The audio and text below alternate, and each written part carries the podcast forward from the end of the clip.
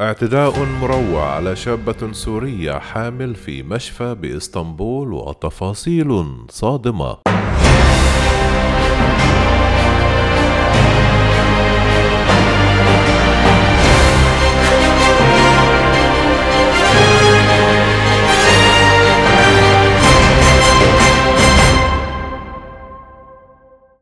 ثلاثة أيام صعبة ومؤلمة قضتها اللاجئة السورية راما سلو في مخفر منطقة زيتون بورنو في مدينة إسطنبول التركية وعلى الرغم من كونها امرأة حامل وفي وضع صحي حرج إلا أن ذلك لم يشفع لها بل على العكس ما جرى على الواقع كان نقيضا لذلك خاصة أن اعتقالها من قبل الشرطة التركية جاء بعد دخولها لإحدى مشافي الدولة التابعة للحكومة التركية من أجل تلقي العلاج الفوري.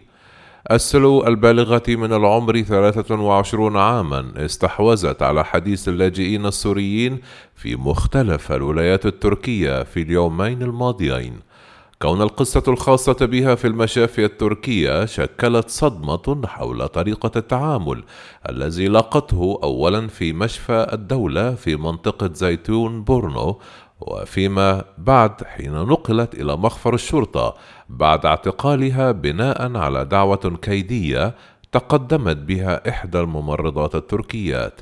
حسب تواصل شبكات الإعلام مع أشخاص مطلعين على قصة اللاجئة السورية الذين طلبوا عدم ذكر أسمائهم فقد بدأت بعد خروج سلو من إحدى المراكز الطبية السورية في إسطنبول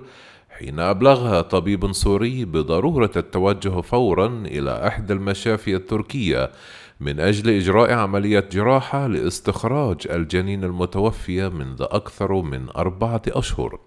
وعلى الفور وعقب معاينة الطبيب السوري توجهت السيدة السورية برفقة زوجها إلى مشفى السليمانية في منطقة زيتون بورنو لتتفاجأ بطريقة التعامل العنصرية التي لاقتها من الممرضات التركيات التي أقدمت إحداهن على ضربها على بطنها فور استلقائها على كرسي المعاينة لتستمر بالضرب لدقائق على معظم أنحاء جسدها.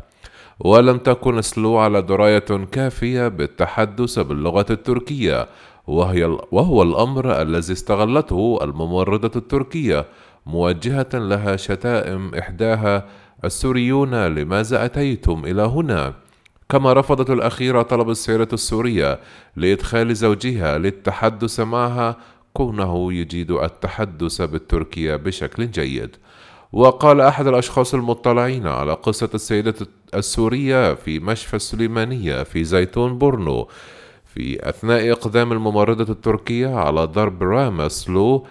هددت الأخيرة بطلب البوليس من أجل وضع حد لطريقة التعامل العنصرية ولتقديم شكوى عليها.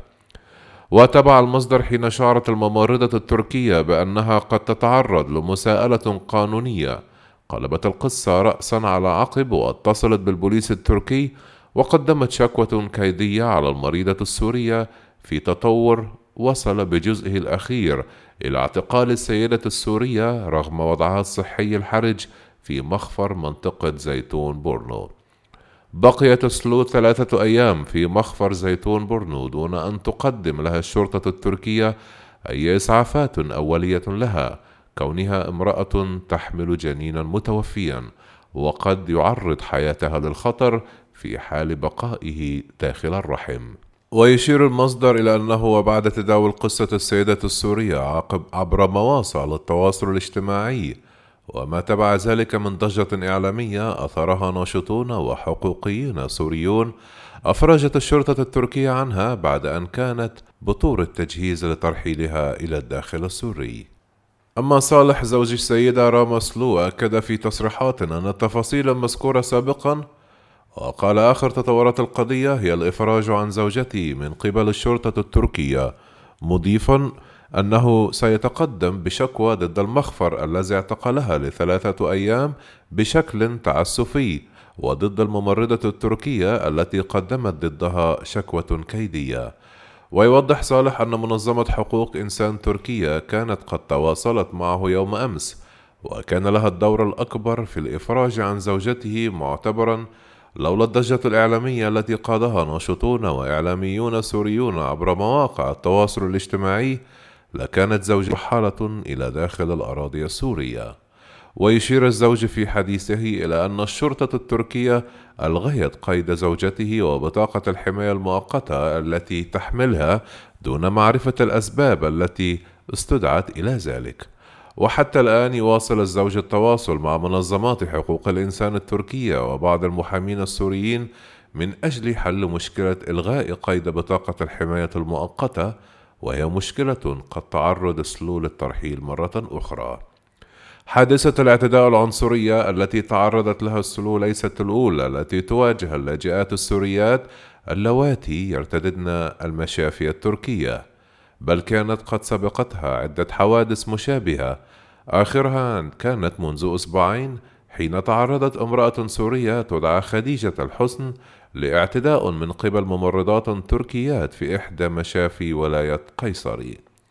الحادثة المذكورة لاقت تفاعلا في ذلك الوقت عبر مواقع التواصل الاجتماعي بعد نشر الزوج محمد عريفي تسجيلا مصورا شرح فيه حادث الاعتداء التي تعرضت له زوجته موضحا أن زوجته تعرضت لاعتداء عنصري بعد أن تم ضربها من قبل عاملات بالمشفى بعد ولادتها وبقيت تنزف من الساعة الثانية حتى الخامسة فجرا